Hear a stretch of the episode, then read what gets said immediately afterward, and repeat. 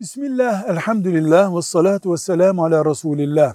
Kafirlerin, din sahibi olmayanların İslam'a ve Müslümanlara saldırısına karşı tedbir alındığı gibi Müslümanlar olarak içiten bölünme yaşamamak için de tedbir alınmayınca neler ortaya çıktı? Bir, kalpler kirlendi, kin ve haset çoğaldı. Diller bozuldu. Müslümanlar birbirlerine rahat sataşır oldular. Birbirlerinin gıybetini yapabilir oldular. Herkes kendini alim zannetti. Din kaldı.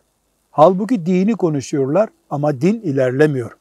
Ve Müslümanlar arasında birbirlerine zarar verecek kavgalar, gürültüler oldu. Allah'a davet etmek, Allah için cihat etmek gündemin dışına taştı. Düşmanlara karşı ciddi bir zafiyet oluştu.